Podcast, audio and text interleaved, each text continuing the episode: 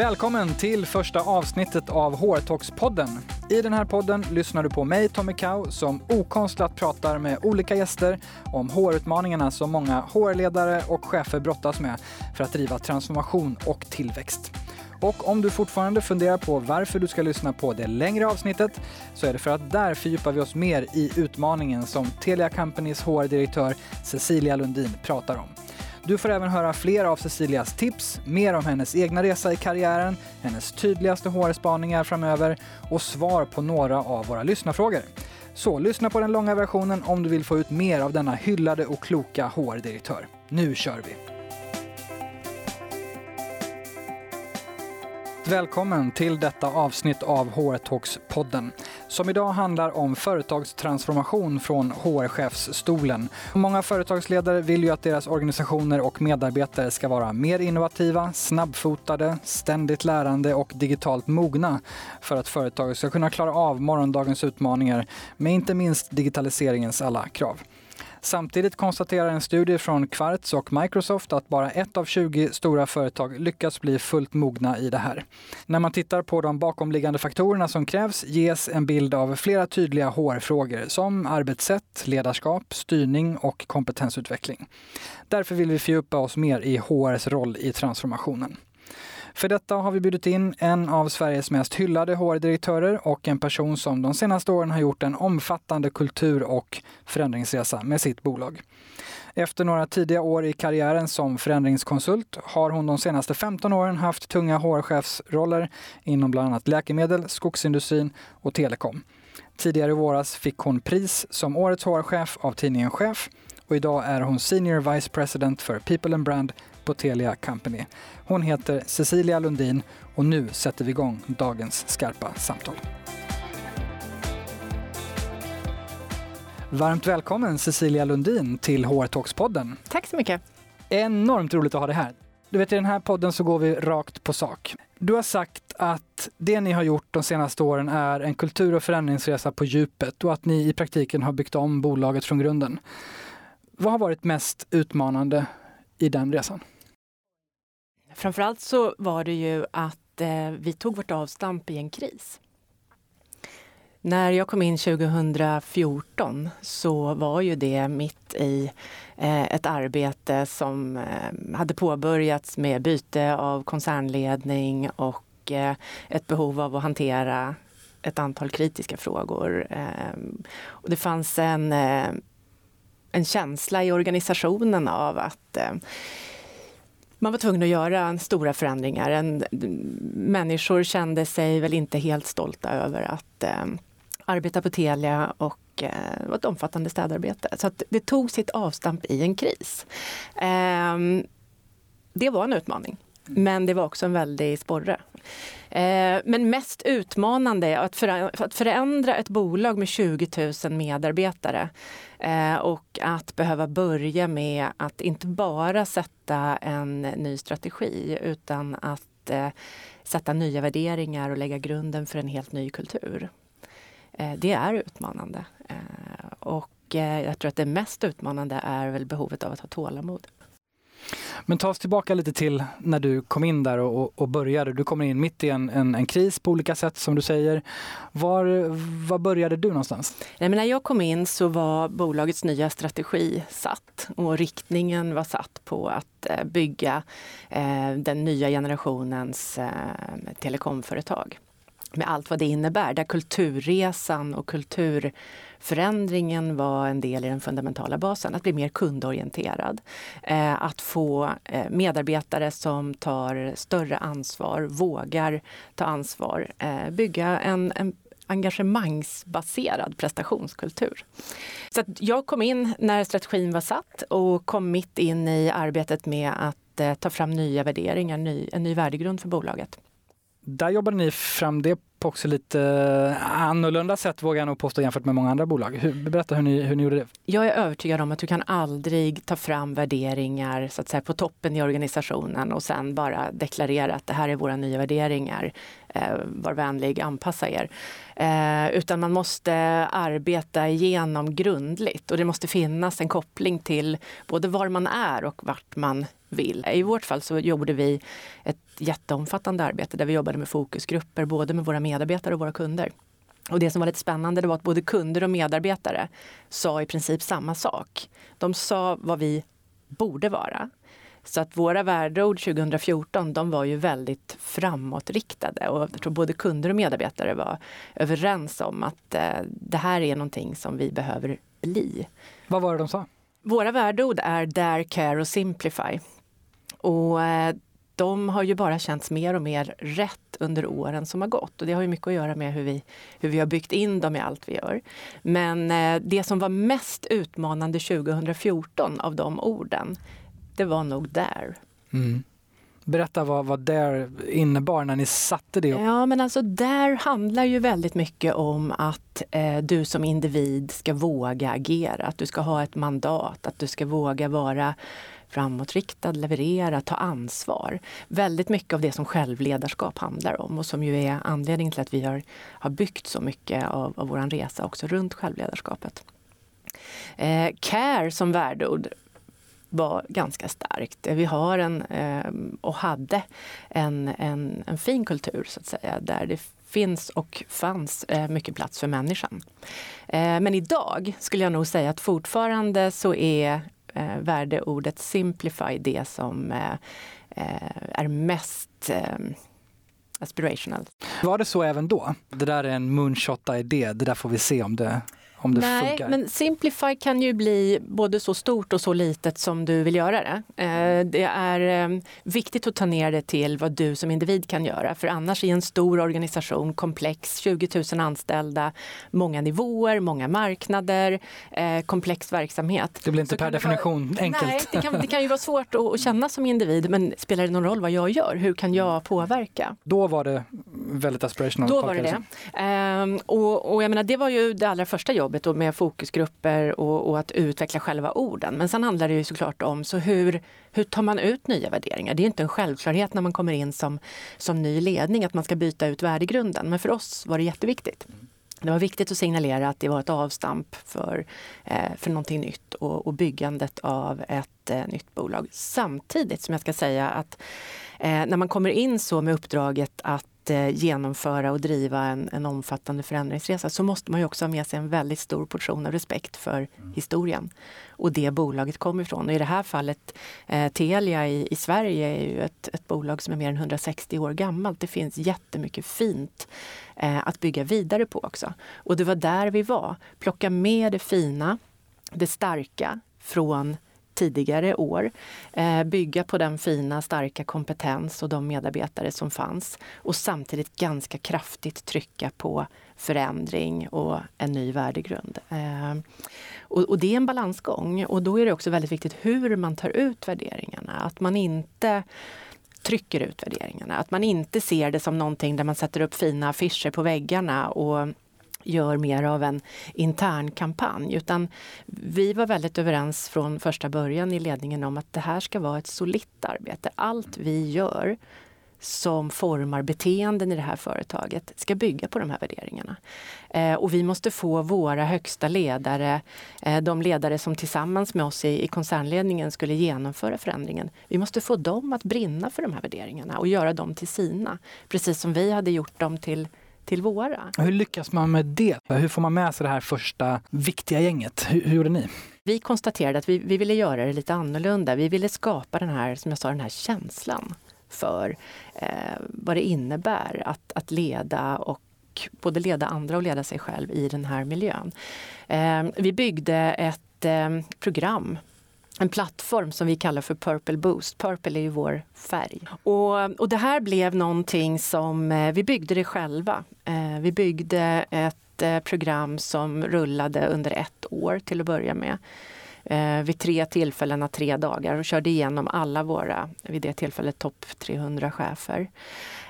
vi byggde innehållet själva. Och när jag säger vi, då menar jag vi i, i koncernledningen. Vi eh, byggde ett innehåll som handlade om eh, kultur, värderingar, ledarskap, medarbetare, eh, självledarskap, innovation. Alla de viktiga komponenterna som vi såg eh, skulle vara fundamentet för resan framåt och självklart förståelsen för strategin. Och liksom ta ner både strategi och värderingar till individnivå. Mm.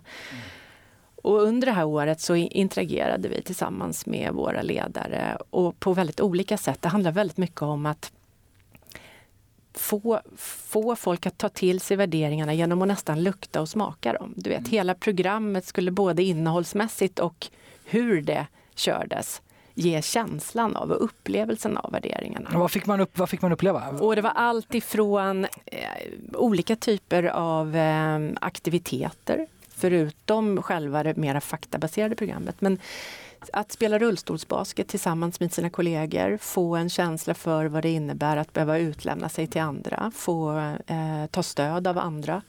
Eh, vi eh, hade äta middag i mörkret. Oj, okej. Okay. Spännande. Den typen av, och det där var ju de, de här lite extra aktiviteterna runt omkring. Programmet handlade ju eh, väldigt mycket om eh, vår syn på kunden, mm. hur vi ska agera med kunden. Eh, vår syn på medarbetarskap, självledarskap, mm. innovation och knyta det till strategin, knyta det till kulturresan. Eh, det vi ville uppnå det var att när våra ledare lämnade Boosten så skulle de vilja gå hem till sina marknader och skapa samma upplevelse samma boost. för sina medarbetare. Mm. Och det lyckades vi med. Eh, och det här var under ett år som jag sa. Eh, sen dess så kör vi Boost varje år och man kör också det ute i varje marknad. Det blev någonting som alla ville göra. Alla ville skapa den upplevelsen lokalt. Och det var ju precis det vi ville åstadkomma. Och då måste det ju, det blir en, en ett visst mått av styrning. Vi la ut hela agendan, allt vårt tänk, allt bakomliggande material, allting. Det fanns tillgängligt på intranätet varsågod, transparent, här. Eh, och det tror jag, du måste skapa ett sug efter att vilja. Det har varit en väldig styrka och jag tror att eh, hade du frågat mig då om jag trodde det skulle bli så stort och så starkt så hade jag inte trott det. Nej. Och det är det som är det häftiga med att bygga engagemang. Du vet aldrig vart det tar vägen riktigt och hur kraftfullt det blir. Men det måste få växa fram av sig självt. Eh, och det har det verkligen gjort. Så att nu är ju Boost, det är vårt koncept för att skapa delaktighet, eh, skapa dialog eh, och engagemang.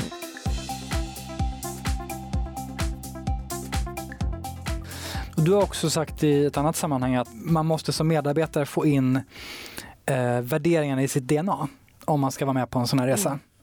Ja, men som du säger, Boost var en sak och där nådde vi bara ledarna. Så att säga. Och sen gav vi ledarna ett väldigt tydligt mandat och ansvar att skapa detsamma, skapa samma upplevelse, få med sig individer vidare ut i organisationen.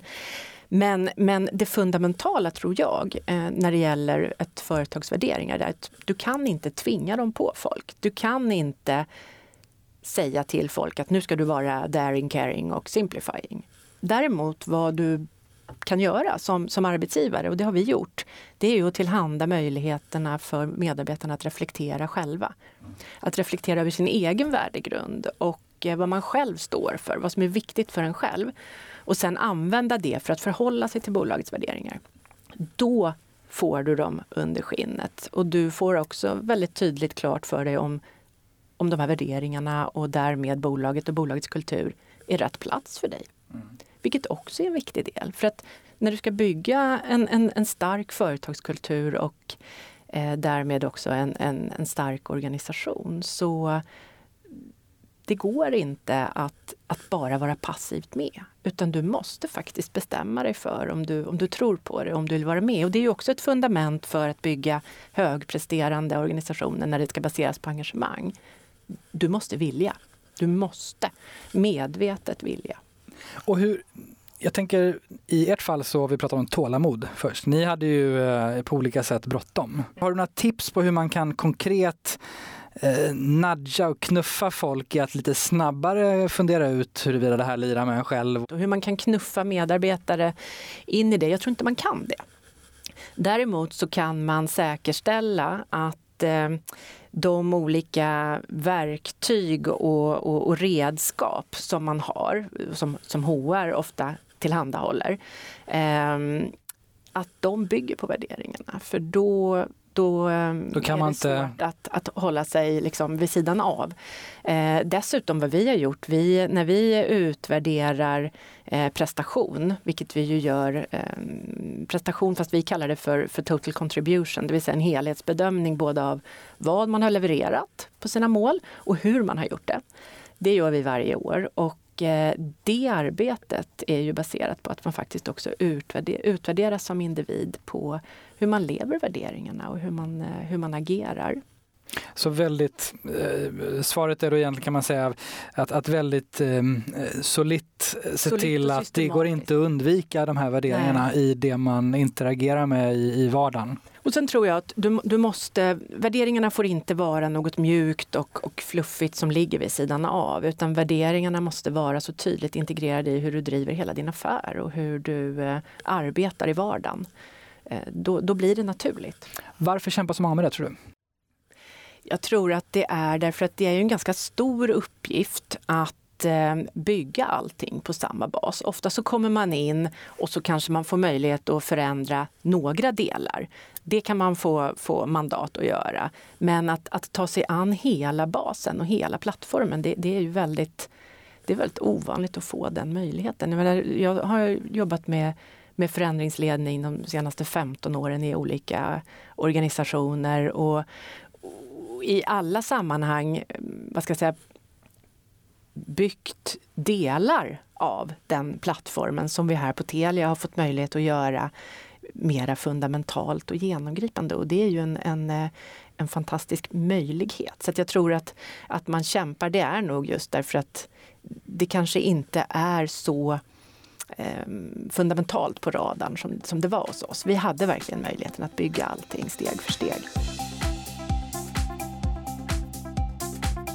Men någonting som när man läser om det ni har gjort och när man lyssnar till motiveringar, ehm, exempelvis som motiveringen till dig som, som årets HR-chef, ehm, så kommer vi eh, ofta tillbaka till självledarskap och du har eh, nämnt inledningsvis också som, som en ledstjärna för det här.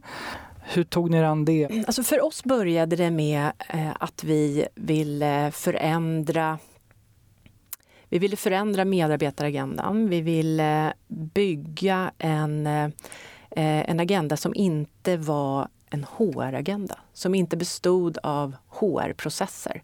Utan vi ville skapa en plattform för ledarskap och därmed också självledarskap. Så att HR, vilket jag tror väldigt mycket på, HR ska vara facilitatorer eh, och eh, strategisk support och stöd i att eh, hjälpa ledare och medarbetare i den, i den plattformen. Att leda sig själva att och leda andra. sig själva och andra leverera. Vad, vad det handlar om till syvende och sist. När, när, menar, du måste ha tydliga mål.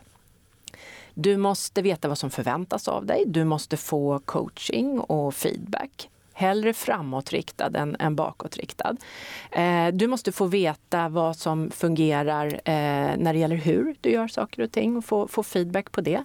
Och, och självklart att, att du har levererat på, eh, på vadet. Eh, och om, om, du ser det som basen så konstaterade vi väldigt snabbt att det här med performance management som alla pratar om, som ju är på väg bort i sin traditionella eh, gamla form mer och mer. Eh, men 2015 så sa vi att det, det, där kan vi inte ha för det blir passivt. Det blir passivt ur ett medarbetarperspektiv och det blir faktiskt också passivt ur ett ledarperspektiv för det blir en HR-process. Det blir någonting som HR sköter och man kanske betraktar det som lite tungt administrativt. Men vad det egentligen är, det är ju hur vi får verksamheten att tuffa och gå och hur vi levererar det vi ska leverera till våra kunder. Och, och, och då blir det liksom direkt någonting annat än en HR-process. Då blir det en, en verktygslåda och ett fundament för hur du leder dig själv och hur du leder andra beroende på vad du har för roll i bolaget. Om man hade tagit perspektivet att det här är performance management som säkerställer att du kan leverera på målen och det är HR som äger performance management. Ja, ja och så det var det första vi egentligen tog, tog tag i efter de här boostarna. Det var att vi, vi behöver bygga navet för det här. Vi behöver bygga navet för det och ur, ur HRs perspektiv så behöver vi få våra ledare och våra medarbetare att se det som det enkla, kraftfulla verktyg det är för att driva min verksamhet, utveckla mina medarbetare och kunna leverera i den kontexten. Liksom. Så att vi eh, sa att vi måste göra det väldigt tydligt. Vi måste visa väldigt tydligt att det inte är en process. Det vill säga vi ska branda det och vi ska paketera det som något helt annat. Så vi byggde en, eh, en plattform som är basen för, för självledarskap hos oss och den heter You First. Det vill säga, det börjar med dig. Det börjar med dig, ditt bidrag, eh, ditt ansvarstagande och, och, din prestation och din utveckling. Mm, så en, en liksom verktygslåda? Liksom ja, verktygslåda för, för de här, du hör ju, det är ju väldigt enkla mm, grejer. Mm. Men att just göra det så enkelt som det är. Och tillgängligt. De här, och tillgängligt. Så att det blir de här praktiska stöden för hur du faktiskt driver din verksamhet om du är ledare och hur du faktiskt vet vad du ska göra och hur du kan utvecklas om du är medarbetare. Skapa enkelhet och bygga förutsättningar för självledarskap och ledarskap. En demokratisering nästan, kan man, alltså ner till varje enskild individ och ge verktygen att, att, att driva sig själv och de andra runt omkring. Ja, och, och att ge mandatet. Och då måste du ha du måste både själv ta ansvar för och säkerställa att du får helhetsbilden och de tydliga förväntningarna i form av dina mål och feedbacken. Och, och i det här, jag menar, i, i hela självledarskapsbilden så ligger ju också att du kan ju inte sitta och vänta på att utvecklas eller att få feedback eller att få ha den här dialogen med din ledare om du är medarbetare. Utan det är ett givande och tagande och där ligger också en del i självledarskapet att jag måste också ta ansvar för att utvecklas och bidra och att veta vad jag är en, en del av. Att, Hur tränar man tycker du, ledare på ett bra sätt i självledarskap? Rent, konk alltså, Rent konkret. konkret. hur ser ett sånt ledarprogram ut? Om, man, om det ens är ett ledarprogram? Ja, det är det. Därför att att leda självledare det är ju något helt annat än Verkligen. gammalt traditionellt ledarskap. Det ställer ju jättestora krav på eh, dig själv, din egen mognad som människa, ditt förhållningssätt till andra människor på ett mycket mer fundamentalt sätt än traditionellt chefskap, om jag får, får uttrycka det så. Ehm, så att eh, den, den ledarutveckling eh, som, som, som vi bedriver och som är, är viktig att eh, att skapa för att kunna leda självledare, den handlar mycket om det som vi har varit inne på. Den handlar mycket om värdegrund, självreflektion, att eh, förstå sig själv. Det handlar mycket om empati, EQ, mm. Eh, alltså emotionell intelligens. Att kunna läsa andra, förhålla sig till andra, att leda eh, individspecifikt. Vad får man göra? Vad, vad, vad, om jag skulle gå ett sånt här program, vad skulle jag hamna, hamna i? Oj, du skulle hamna... om du skulle gå... Vi, vi har flera olika ledarprogram och det är också någonting som, som är en del av den här resan. Det är ju att ha byggt en, en, både en individ och ledarutvecklingsplattform samt en teamplattform som också stöttar det vi vill åstadkomma med, med resan. Som bygger på värdegrunden, som strävar efter eh, att, att eh, möjliggöra och självledarskap och så vidare. Men också därför att självledarskap får ju aldrig stå i motsatsförhållande till teamet och kraften i att leverera som team. Tillsammans. Mm. Tillsammans. Mm. Och därför så är ju teamperspektivet också jätteviktigt i den här resan. Så man sätts inför olika eh, situationer, rollspelar, eh, dilemman. Det gör man. Du är eh, tillbaka till det här hur det konkret ja, är verkligen, jag konkret. Nej, men det, det, är ju flera olika steg och moduler. Det börjar med självreflektion och att, att jobba med sig själv och sen går man ju vidare över till att få lära sig verktygen eh, förhålla sig till, eh, till affärsstrategin och vad man, vad man faktiskt är en, en del av. I vad är det man ska leverera? Som en, ja, just det. Nej, jag tänker att varenda människa skulle behöva gå Mm. Eh, den här första modulen. Absolut. En viktig komponent i det här, för vi har, vi har två, två verktyg som, som vi jobbar med för, för alla i organisationen.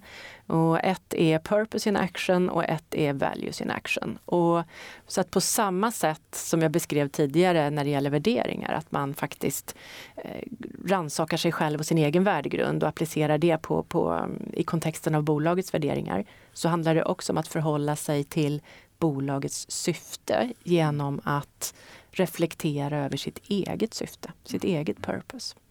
Och, och, det där är någonting som jag tror eh, faktiskt bara blir viktigare och viktigare i, i den värld vi lever. Att eh, då inom ramen för, för sin arbetsplats och, och, och, det företag man jobbar vara tvungen att göra det. Mm. Därför att mer och mer så söker man sig ju till en kontext där faktiskt syftet med bolagets verksamhet och värdegrunden är, är jätteviktiga komponenter.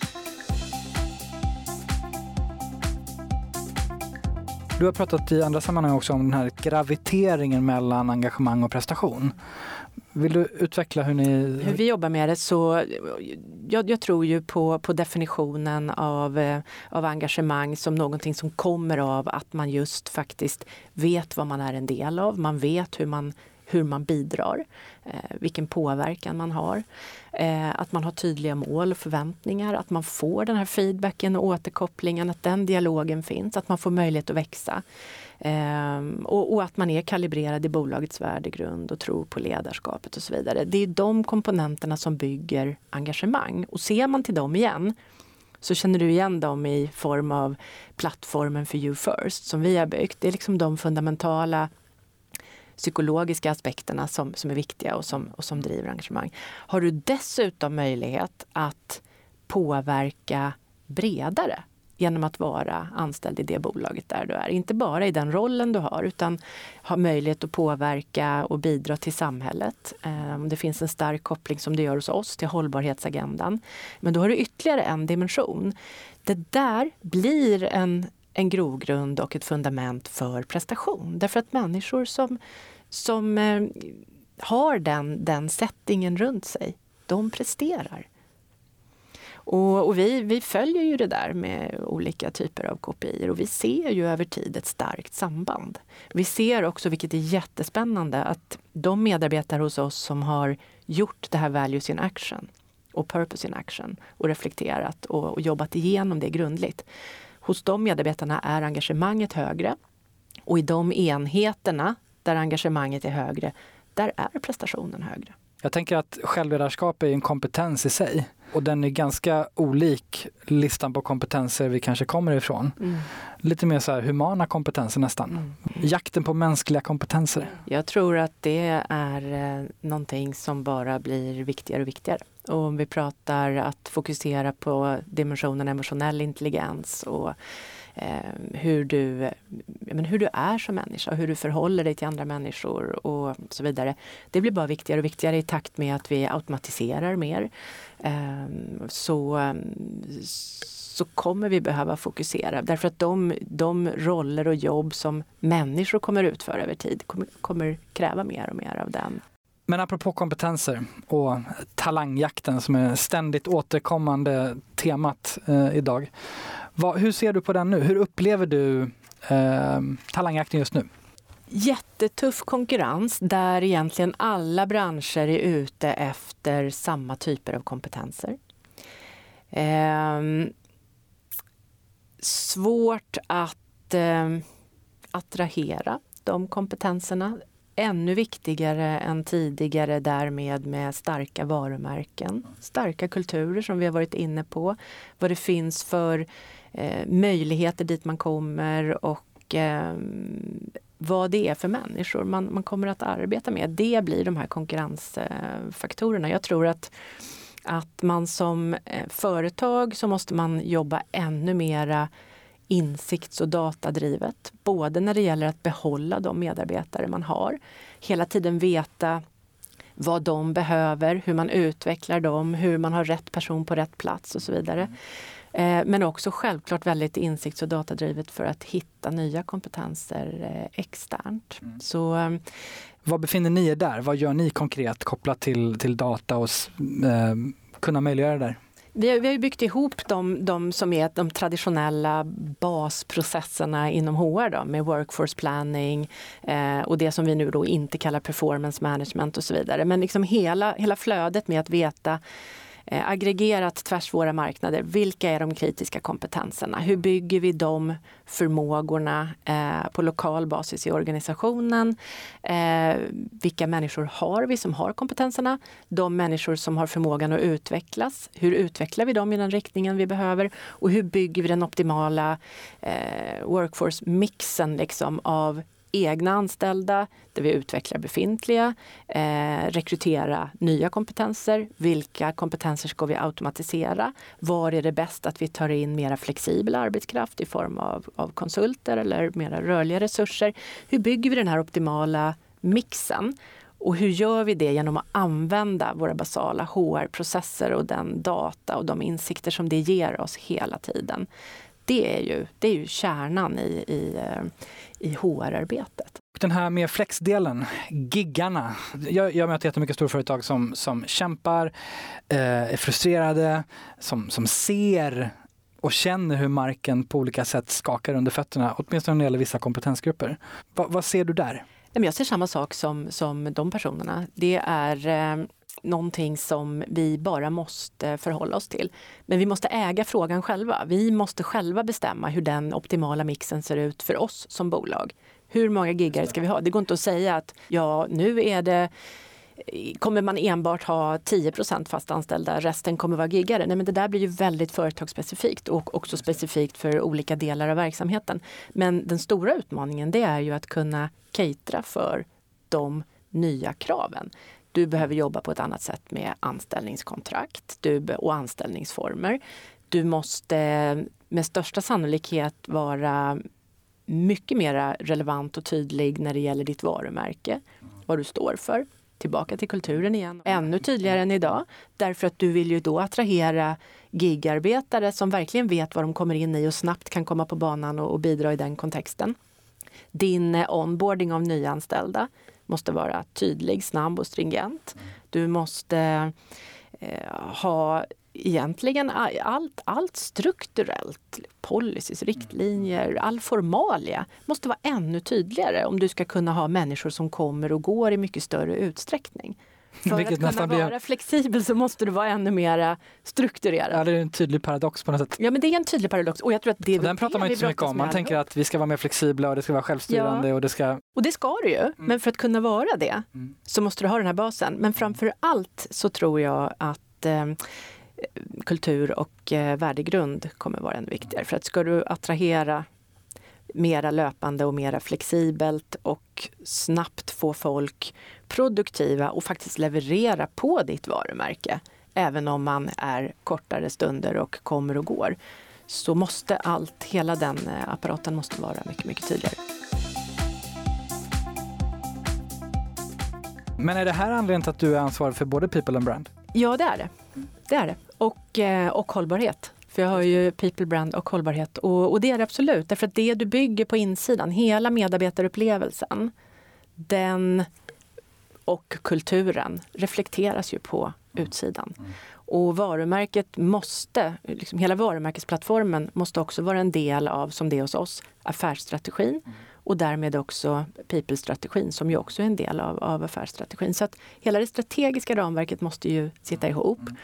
Och du måste bygga väldigt eh, solitt, så att säga, det mm. som du...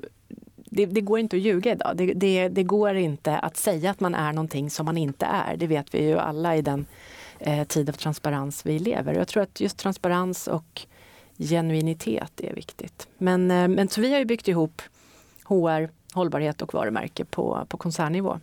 Därför att vi tror på den här sweet spoten av de, av de tre områdena. Hållbarhet är en del av allt vi gör. Det måste vara integrerat i affären och det måste vara helt integrerat i medarbetaragendan. Och eh, det är också helt integrerat i varumärket. People, brand och sustainability. V vad konkret har ni gjort när du har haft möjligheten att liksom sammanfoga de här?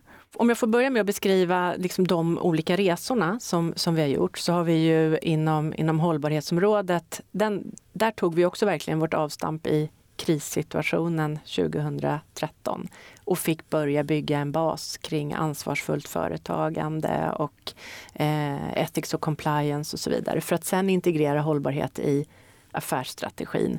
Bygga in det i hela den här engagemangsplattformen för medarbetare med volontärprogram och så vidare. Vi har ett program som heter Unite som går ut på hur man som medarbetare kan engagera sig i att jobba med digitalisering ut mot och därmed bidra till eh, olika grupper i samhället. Det kan vara allt ifrån att lära barn och unga att koda till att hjälpa äldre människor med livet online eh, och så vidare. Och så vidare. Och det är ju en del av vår affär, att, att ha gått till att ha integrerat hållbarhet i affären mot kund, men också i affären utifrån ett medarbetarperspektiv.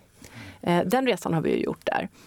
Och, och på samma sätt så har vi byggt en, en gemensam varumärkesplattform. Under de här åren har vi blivit Telia som varumärke i alla länder. Det var vi inte 2014. Så att du ser att alla de här komponenterna tillsammans med Kulturresan har, har varit viktiga för att, att, bygga ett bolag. Och tittar man då tillbaka till din fråga på den här eh, sweet spoten där de här tre möts så är det ju, om du tittar på hela kompetensagendan som vi pratade om tidigare, där har du ju hållbarhet de facto. Hur bygger du en hållbar organisation, en hållbar kompetensmix, en hållbar workforce? Så där jobbar vi aktivt med att eh, integrera vårt eh, synsätt inom hållbarhet in i alla HR-processer. Du Hur kan det ta sig uttryck? Alltså, med några konkreta exempel? Nej, men ett, ett jättebra exempel är ju mångfald. Mångfald som ett sätt att eh, driva konkurrenskraft och eh, att, att bygga bolag, framgångsrikt bolag, framgångsrik kultur. Mångfaldskomponenten, eh, att säkerställa mångfald som en, en naturlig del i alla HR-processer. En check in the box i allt vi gör. Eh, inte bara i, i rekrytering utan i, faktiskt i allt. Eh, att säkerställa den dimensionen. Där har du en sån där då eh, hållbarhet och HR-agenda går mm, väldigt mm, nära hand i hand. Man mm, sätter mål tillsammans, man följer upp tillsammans eh, och man kalibrerar. Men när du berättar så, så känns det lite som att people, brand och, sustainability, det är ju ett eh, sammanvävt nät som behövs för att kunna driva Eh, Eh, såklart då strategin och affären, liksom hela people-agendan. Sen har ju ni delat upp people och HR. Hur har ni gjort? Jag ser det som att det, det är två delar på något sätt i, i HRs eh, leverans. Dels så har du fundamentet i form av basprocesserna. Det som är mera av vatten och bröd. Det ska betalas ut lön, det ska finnas anställningskontrakt eh, och så vidare. och så vidare det som är ack så viktigt och fundamentalt och som bara förutsätts fungera, det är en del i HRs leverans. Service och support och, och content där. Så. Sen har du allt det som är eh, utveckling, ledarutveckling, medarbetarutveckling, teamutveckling, den typen av program. Det är också HR-leverans därför att det krävs specifik kompetens. Vi har valt att göra det med egna resurser. Man kan göra det med externa resurser, men vi har valt att göra det med egna HR-resurser. Men sen har du det här mera eh, vad ska jag säga, affärsnära HR-stödet där du är som HR-partner, i vårt fall people-partner, nära affären, jobbar tillsammans med ledarna för att säkra att HR-agendan stöttar affärsagendan på bästa sätt. Eh, det är där, i det gränssnittet på något sätt, som det sker en, en, en förskjutning och mm. ett ökat ansvar för att tillämpa, i vårt fall då plattformar och verktyg i sin vardag. Mm. Och det måste ledare och medarbetare göra. Om vi tittar på självledarskapet, om vi tittar på hela You First-dialogen och allt det här. Det sker ju mellan ledare och medarbetare. HR ska säkerställa att man mm har förmågan, att man får tillgång till verktygslådan, att man kan bolla och, och få stöd när man behöver liksom finkalibrera. Men ansvaret måste ligga där. Så att, Jämfört med tidigare där gränssnittet snarare var mellan medarbetare och HR. Mm. Mm.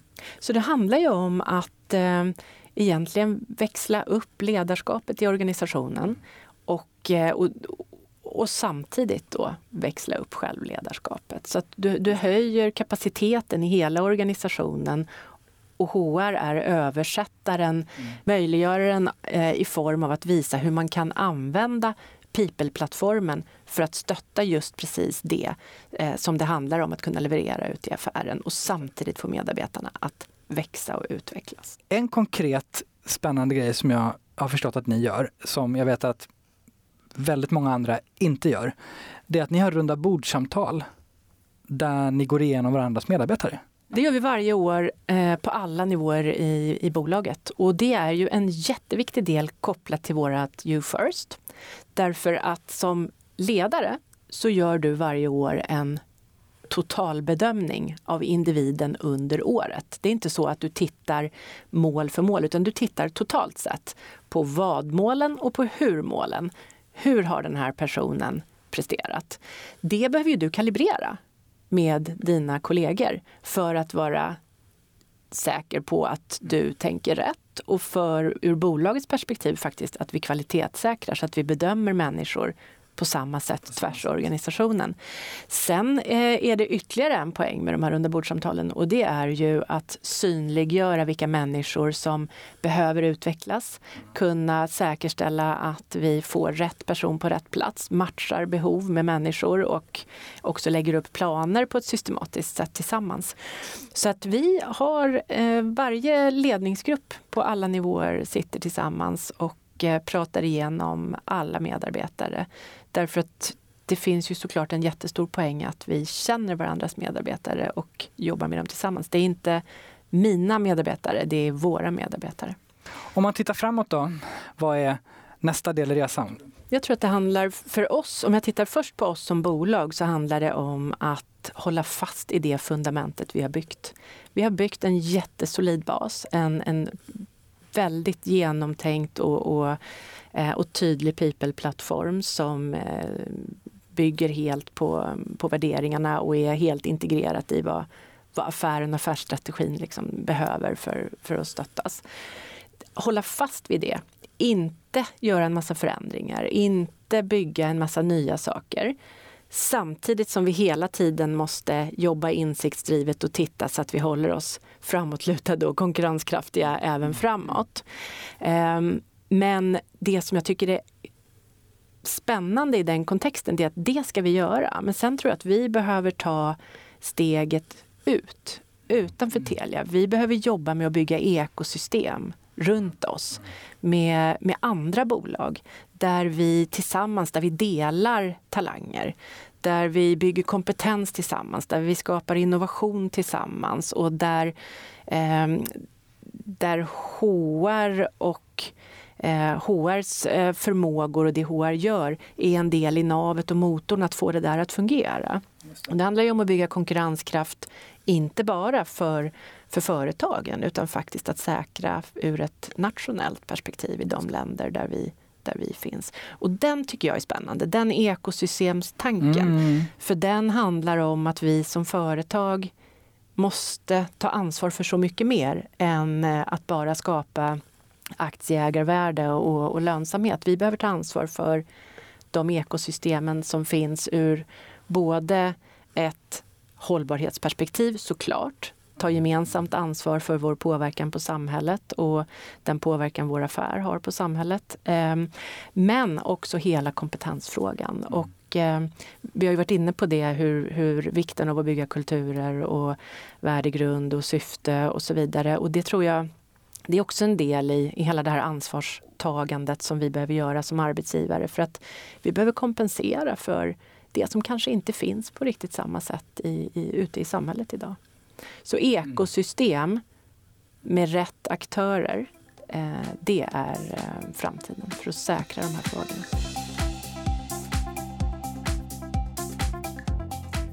Då har vi kommit till tipsrundan helt enkelt eh, dina tips, råd och snabba reflektioner för den som lyssnar som man kan kalibrera mot. Och det blir lite snabbt och rappt och konkret. Första tipset, om du skulle ge tips på en sak att göra för att driva HR i transformation, vad skulle det vara? Säkerställa att man vid varje enskild tidpunkt är relevant för affären. Vilken risk ska du undvika mest? Det blir att vända på det hela då, det vill säga att eh, driva ett HR-arbete som är separerat från affären, som tar sitt avstamp i HR-processer för processernas skull. Det är den största risken. Vilken bok ska man läsa eller lyssna på just nu tycker du, för att förkovra sig i det här temat? Ja, jag har två böcker, om jag får säga två böcker, som jag eh, själv tycker har varit intressanta och inspirerande som vi har använt eh, när vi har byggt vår agenda. Och den ena är en Everyone Culture av eh, Robert Keegan Och eh, den andra är Start with Why, Simon Sinek. Och den senare känner säkert lite fler till än den första. Vad den första? Berätta. Eh, den första den handlar om vikten av att inte bara fokusera på talanger och high potentials utan att eh, utveckla alla i en organisation. Och den ligger också väldigt nära hela självledarskapstanken. Om du skulle göra det här igen, som ni har gjort nu de senaste åren, den här resan som du har varit med och driva. Skulle du göra någonting annorlunda? Och om du i så fall då skulle ge det som tips till någon som står inför att göra det här? Ja, eh, jag skulle göra någonting annorlunda. Vi, denna resan har ju varit, eh, nu har vi pratat mest om kulturresan, bolagets kulturresa. Vi har ju också gjort en väldigt omfattande HR-resa. Mm som eh, har inneburit att bygga gemensamma processer, eh, att digitalisera HR eh, i form av eh, att digitalisera egentligen hela medarbetarupplevelsen från det att du kommer in i bolaget till det att du lämnar. Eh, och eh, den drog vi igång som steg två. Kulturresan var det vi började med. Möjligen skulle jag kanske ha tidigare lagt eh, HR-delen lite grann därför att HR har ju varit så mycket av eh, motorn i, eh, i det här arbetet. Men samtidigt så vet jag inte om vi hade orkat det faktiskt. Så att eh, det är nog inte ett bra exempel. Gjort annorlunda, haft lite mer tålamod kanske. Jag tror inte så många har hört kanske din resa. Så berätta lite om hur du kom dit där du är idag. Ja, min resa. Jag är, jag är ekonom i botten, kommer från, eh, från affärssidan. Började min eh, bana på Ericsson där jag fick förmånen att driva ett kulturförändringsprogram som på något sätt blev eh, grunden för väldigt mycket av det som jag har tagit med mig in i mina jobb efteråt när det handlar om synen på kultur, synen på förändring, vikten av ledarskap och vikten av att jobba med alla komponenter som formar beteenden. Eh, sen så har jag varit, eh, jobbat några år som konsultchef i IT-branschen. Gjorde det runt millennieskiftet, vilket också var väldigt spännande. Uppleva ett företags eh, livscykel eh, under en kort tidsperiod och vad det innebär. Vad, vad det innebär när man inte bygger strukturkapital och när det inte finns en stark och stabil HR-agenda. Och det var det som fick mig att eh, paketera mig till HR. Så att, eh, mitt, mitt första HR-jobb, det sökte jag. Eh, och jag sökte det utan att ha några HR-meriter. Men, men däremot eh, erfarenhet från förändringsledning och en, en väldigt tydlig bild av hur HR behövde bli relevant för, för affären. Och eh, efter det jobbet som var i läkemedelsindustrin så har jag haft eh, HR-chefsroller i koncernledningar ehm, de senaste 15 åren. Mm. Och den röda tråden egentligen i alla roller oavsett om det har varit telekom, eh, pappersindustri eller, eller läkemedel. Det har varit eh, spännande förändringsresor. Starkt och bra mandat för att driva förändring utifrån eh, en HR och people-agenda. Och eh, det har varit allt ifrån att eh, utgå ifrån starka kulturer och skapa struktur eh, till att Eh, ta ner struktur och bygga kultur. Vad tänker du rent personligen att man nog behöver ha för att um, klara och tycka att sånt här HR-direktörsjobb på, på din nivå är, är kul? Jag tror att det är, och det är flera saker. Man måste vara nyfiken och modig, det vill säga man ska inte tro att man behöver kunna allting. Därför att det kommer man aldrig göra. Däremot så behöver man vara strategisk. Men man behöver också ha förståelse för och kunskap om verksamheten. Man eh, behöver vara strukturerad.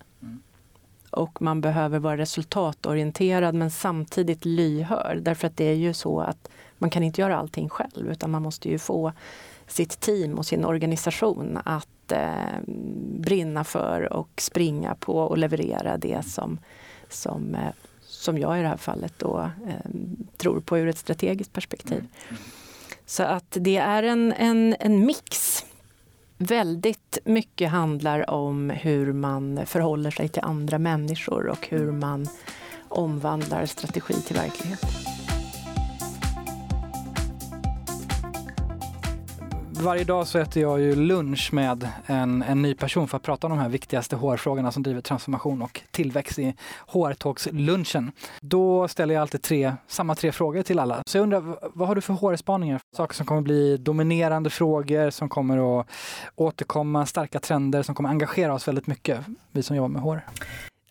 Digitalisering ligger ju där. Det är en självklarhet. Det, det finns ingenting annat. Eh, vikten av att digitalisera hela medarbetarupplevelsen, den, eh, den är där. Att, eh, att försöka och jobba hela tiden med att driva medarbetar och kundupplevelse alignat. Så att de följs åt. För det gör de vare sig man vill eller inte. Och då är det lika bra att driva det så.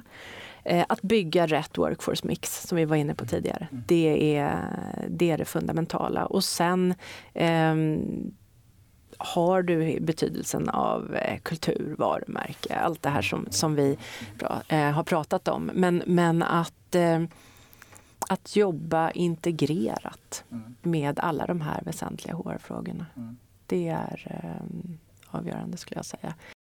Och vilka är de viktigaste HR-frågorna just nu tycker du? De som, alltså HR-frågorna som inte, inte kan vara på agendan helt enkelt. Ja, men vad man inte inte kan ha på agendan, det är kompetens. Hur säkra kompetens? Kompetens eh, och eh, hur vi jobbar med våra medarbetare, det är det som är vår konkurrenskraft. Det måste vara på agendan och det kan inte bara vara på HRs agenda utan det måste vara på hela ledningens agenda. Sen så har du hela, hela transparensparametern vilket gör att du måste jobba med, med kultur, varumärke och hållbarhet eh, integrerat. Och sista frågan, vad är Cecilia Lundins bästa HR-idé? Bästa HR-idé? Då, då, tror, då är jag tillbaka till eh, mitt tänk kring ekosystem och hur vi bygger eh, kompetenshubbar framåt för att säkra att vi kan eh, utveckla talanger, behålla talanger, skapa innovation och eh, skapa konkurrenskraft och det kommer vi inte kunna göra som enskilda bolag. Utan jag tror på ekosystem och kompetenshubbar. Då har vi kommit till lyssnarfrågan. Niklas eh, Gertz undrar vilket beslut som hen har tagit som har haft störst påverkan på flest människor?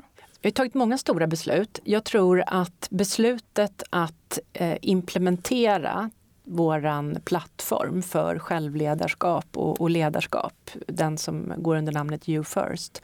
Det har varit det som fundamentalt har haft störst betydelse därför att det är ju någonting som vi jobbar med med alla 20 000 anställda. Varje dag. Och Niklas undrar också vad du drömmer om att kunna påverka i världen framöver för mig så tar det nog väldigt mycket avstamp i, i det som är en del i, i vår affär och i den agendan jag driver. Det handlar ju om eh, att, eh, att, att skapa konkurrenskraft i de länder där vi finns. Utifrån digitalisering, utifrån hållbarhetsagendan och utifrån hur vi jobbar med att säkra kompetens. Och då är vi tillbaka till det här makroperspektivet igen. Att kunna skala ut de frågorna från bolaget och driva dem mera ekosystemsbetonat så att säga. För att faktiskt vara med och påverka konkurrenskraften för samhällena där vi finns eh, i de frågorna. Det, det brinner jag för. Vi säger eh, tack för svar på lyssnarfrågan nu. Vill du som lyssnar höra på eh, när Cecilia svarar på eh, fler lyssnarfrågor så eh, lägger vi det som extra material till det här avsnittet. Vi ska avrunda. Finns det någon utmaning Cecilia som du tycker att vi borde prata mer om i den här podden? Som du själv skulle vilja utforska och lyssna mer på? I kommande avsnitt? Ja. Jag tycker att det skulle vara jättespännande att, att djupa i eh, War for Talent-frågorna. Hur vi säkrar eh, kompetenser och eh, hur faktiskt gå i riktningen av hur vi kan jobba mera tillsammans mellan, mellan företag mm. för att bygga kompetenser så att säga nationellt. Cecilia Lundin, stort tack för att du ville vara med oss i HR Talks-podden. Det har varit ett sant nöje. Detsamma. Det har varit jätteroligt att få vara med. Tack så mycket. Tack så mycket. Det här var alltså det första skarpa samtalet i HR-talks-podden. Stort tack till dig som lyssnat och vill du höra svar på avsnittets lyssnarfrågor ska du kolla in extra materialet för det här poddavsnittet med Cecilia Lundin på Telia Company. HR-talks-podden ges ut av Kao Company, produceras av Media Mera och du hittar mer information på hrtalkspodden.se. Nästa vecka kommer ett nytt färskt avsnitt. Tills dess, ha det bra!